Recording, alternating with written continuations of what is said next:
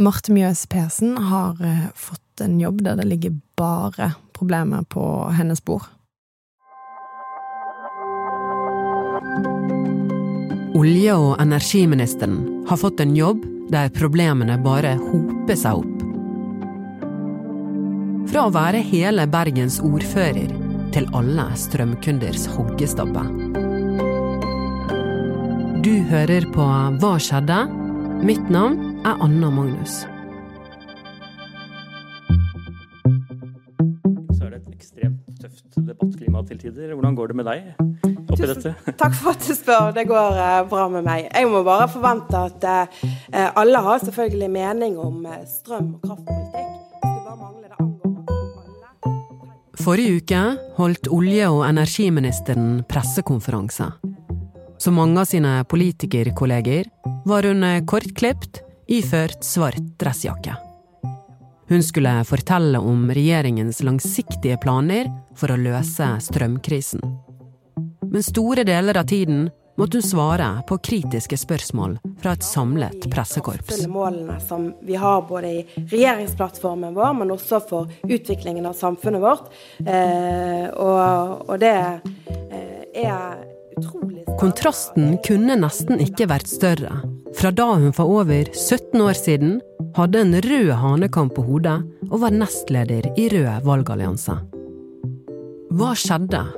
Hvordan ble Marte Mjøs Persen, som hedret arbeiderbevegelsen på Torgallmenningen 1. mai, en av de mest utskjelte politikerne på rekordtid? Marte Mjøs Persen. Velkommen til olje- og energiminister Marte Mjøs Persen. Du står der med steinansiktet ditt og kommer ikke deg i møte. Hvorfor Sa du ikke akkurat dette første dagen? Hvorfor sa du ikke Mange som sier at vi er så luta lei av politikere som nå står og snakker om Den 47 år gamle statsråden er firebarnsmor. Hun har trillinger. Da hun fikk sitt første barn, var hun 21 år og fulltidsstudent på Sydneshaugen. Men uten barnehageplass. Hun trillet sønnen mellom forelesninger og møter i arbeidsutvalget til Norsk studentunion, hvor hun var kvinnepolitisk leder. Og det ble starten på hennes politiske karriere.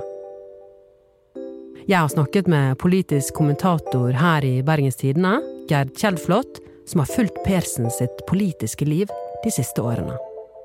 Marte Mjøs Persen kom inn i bystyret i Bergen i 2003, og da var hun RV-medlem. Men så i 2008 så meldte hun seg eh, rett og slett ut av partiet, og kalte det for rett og slett bare et puslete synseparti. Eh, hun sa at det var ikke et ordentlig parti lenger. Eh, Et parti uten en skikkelig strategi for å, for å få fram viktige saker, for vekst og for forandring. Og så meldte hun seg ganske raskt inn i Arbeiderpartiet. Og da tenker jeg at det forteller jo litt om, om hvordan hun ser på politikk, og hva som er viktig for henne i politikk. At hun er en pragmatiker og har lyst til å få ting gjort, da. I 2007 gikk Røde valgallianse sammen med Arbeidernes kommunistparti, AKP, og dannet partiet, som vi i dag kjenner som Rødt. Sang og god stemning preget landsmøtet til det nystifta partiet Rødt i dag. Dagsfersk valgt leder av partiet Torstein Dahl Flere kvinner følger etter henne. I februar 2008 ble hun sitert i BA. Vi var markante kvinner i starten av 30-årene. Sammenslåingen med AKP har gjort at gubbene i partiet beholder makten. Du blir ikke veldig populær i eh, Rødt, eller RV som det het den gang, når du går til Arbeiderpartiet. Det er klart. Du går til den litt forhatte storebroren, som eh, Der de selger sjela si for, eh, for å få gjennomslag. Sånn at forholdet til ytre venstre side har nok vært litt eh, anstrengt etter at hun forlot det. Hvorfor tror du hun valgte Arbeiderpartiet? Hvis du er en politiker på venstresiden som har lyst til å få gjennomslag og lyst til å komme deg opp og fram, så er det Arbeiderpartiet du har å mm, velge. Så jeg tipper egentlig det var derfor. Marte Mjøs Persen steg raskt i gradene. Bare noen få år etter at hun ble medlem av Arbeiderpartiet, var hun toppkandidaten sammen med den profilerte Arbeiderpartiprofilen Harald Skjeldrup. I tillegg så er jo Marte og meg eh, det vi kaller positive bergenspatrioter. Vi jobber for Bergens interesser, og derfor har vi da i dag særskilt tatt opp eh, Hun er jo en person som har hatt mange posisjoner. Sant? Hun, har vært, eh, eller hun er leder for Vestland Arbeiderparti. Har vært leder i Arbeiderpartiet i Bergen. Sitter og har uh, sittet i sentralstyret. Har vært ordfører, og nå er hun, ble hun valgt inn på Stortinget, og så ble hun statsråd. Så hun, måte, hun har fylt veldig mange posisjoner hele tida. 2015 skal bli et avgjørende år for Arbeiderpartiet i Bergen. Etter tolv år med borgerlig flertall klarer Arbeiderpartiet å sanke nok stemmer til å bli partiet som skal sitte i sjefsstolen. Harald Schjelderup får posisjonen med størst makt, byrådsleder. Marte Mjøs Persen blir ordfører, en posisjon som langt på vei er bystyrets møteleder og byens ansikt utad. Det å bli ordfører i Bergen er et av byens aller viktigste verv. Og jeg håper at eh, hvis jeg blir ordfører, så kan jeg eh, være et ombud for alle som bor i Bergen. Jeg håper jeg kan være en eh, politiker som alle kan Etter fire år med makten gjør Persen seg klar til ny valgkamp. Harald Skjeldrup varsler at han går av, og Persen sikter seg inn til å bli den nye byrådslederen om det blir valgseier. Da har hun sittet som ordfører i fire år. Hun har vært på en måte eh, andre kandidaten til Arbeiderpartiet i, i mange år.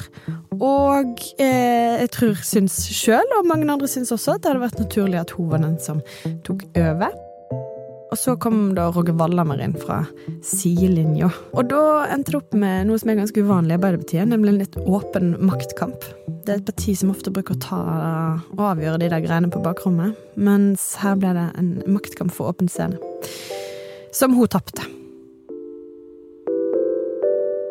Er de veldig ulike politikere? De er to ganske ulike politikere. De har ulik bakgrunn. Hun har en mer standing i, eh, i, fagbevegelsen, og har på en måte sin personlige historie, der hun har gått fra eh, Fra å være en eh, sånn alenemor med dårlig råd til å bli ordfører, kjempe seg opp. Og har nok også rykte for å være en sånn person som funker godt i møte med folk, da.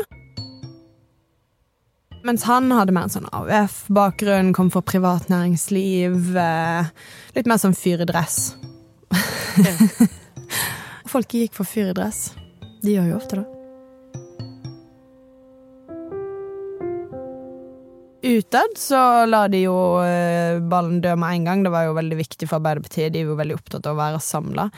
Men jeg tipper nok at eh, hun var skuffa, men, men, kanskje så seg om etter neste mulighet, som da var å komme på Stortinget to år senere.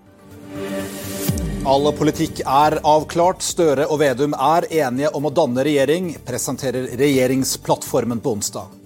Eh, det har vært mange timers arbeid. Og det første vi kan slå fast, er at Arbeiderpartiet og Senterpartiet er enige om at vi kan danne regjering. Når man danner regjering, forsøker man å få statsråder fra hele landet. Derfor var det knyttet stor spenning til om de skulle hente noen fra Bergen.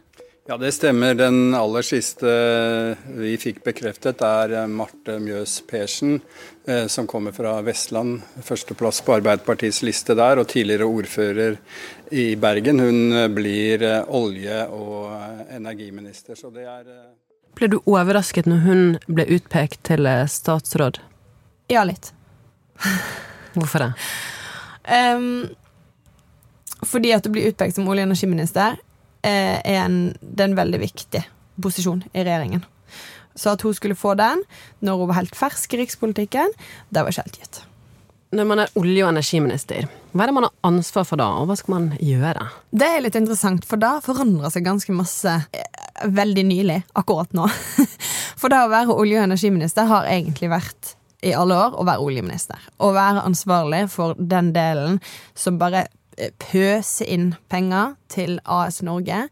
Du får fly helikopter ut på plattformer, ha på deg denne dressen, ta bilde i motvind.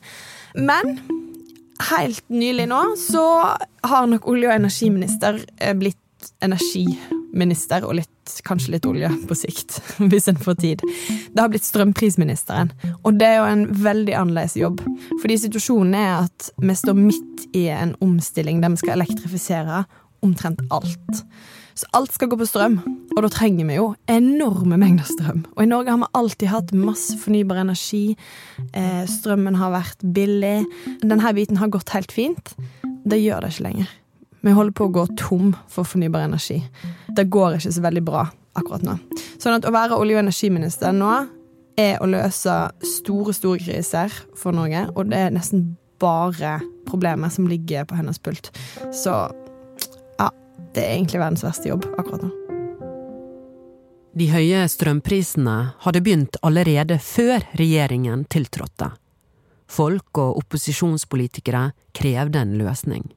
Og rett før jul kom strømpakken. Husholdninger skulle få hjelp til å betale strømregningen. Likevel fortsatte kritikken. Men Gerd, hva er det hun eh, kritiseres for? Hun kritiseres for at hun har vært utydelig, for svak, unnvikende og for å være uerfaren. Og hun har også fått kritikk for at hun har for, for dårlig bakgrunn til å ha dette feltet osv. Det syns jeg blir veldig merkelig. For det er ikke sånn at olje- og energiministrene trenger å være ingeniørutdanna på noe vis.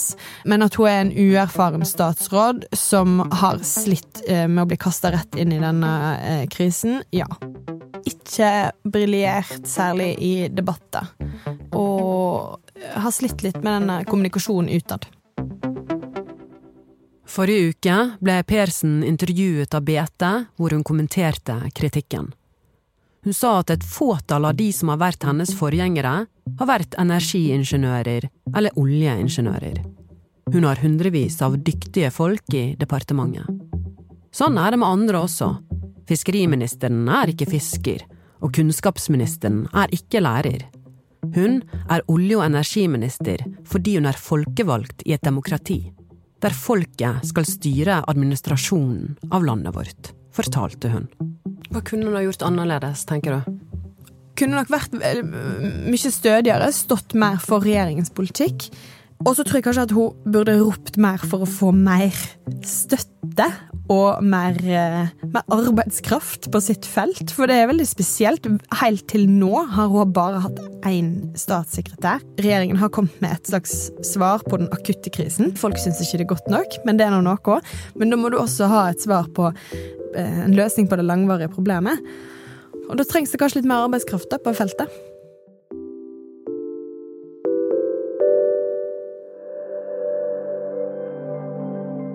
Hva skjedde? er en podkast fra Bergens Tidende. Du har hørt klipp fra NRK. Denne episoden er laget av Anne Offstad, Henrik Svanevik, Helene Alsaker og meg, Anna Magnus.